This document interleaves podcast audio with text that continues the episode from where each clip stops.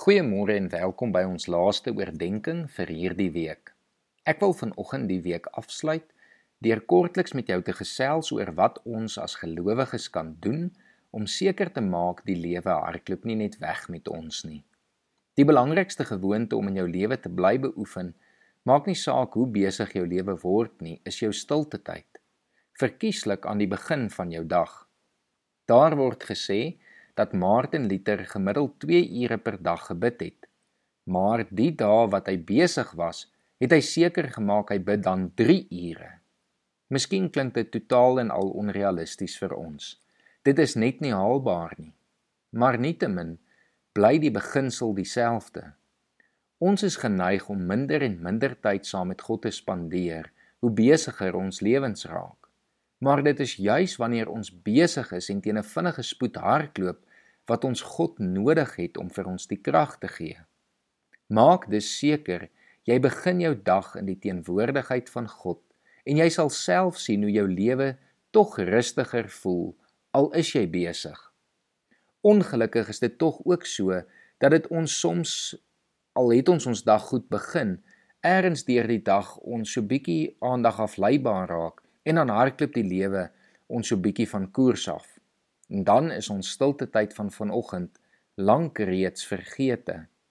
Daarom is dit goed om seker te maak daar is oor ook ander aksies om ons te help om net weer onsself te oriënteer, onsself te herinner God is steeds by ons en van daar dan af weer die dag verder aan te pak. Dit is ook dinge wat nie noodwendig baie van ons tyd hoef te vat nie. 'n Tyd gelede was daar 'n beweging in Amerika genaamd die 30 second kneel down. Die idee was om sommer deur die loop van jou dag ergens vir 30 sekondes te kniel in gebed en net weer jouself bewus te maak van God se teenwoordigheid in jou lewe. Om vir 'n paar sekondes lekker diep asem te haal hiermee saam sal baie van jou spanning ontlaai. Die gewoonte om by etes te bid is 'n goeie gewoonte. Ongelukkig het dit vermoed ek in baie van ons se lewe 'n onbewuste aksie geword. Ons doen dit sonder om daaroor te dink. Dit is net 'n gewoonte. Maar as ons by ete stil word en werklik kan bid, bewus van waar ons in ons dag is, bewus van God wat by ons teenwoordig is, is dit beslis 'n gewoonte om ons te help om deur die dag van God en van wat ons in ons stilte tyd gehoor het, bewus te bly. Laastens is daar 'n paar belangrike fisiese aksies wat ons deur die dag kan beoefen om ons spanning te verminder en nie totaal en al uitgeput aan die einde van 'n dag neer te val nie. Om genoeg water te drink, gereeld op te staan en 'n paar tree te loop om jou bene te rek, om daar waar jy spanning in jou spiere voel, die spiere bietjie te strek en om sommer net jou oë toe te maak en lekker asem te haal vir 'n paar minute is alles dinge wat jou sal help om 'n bietjie rustiger te wees.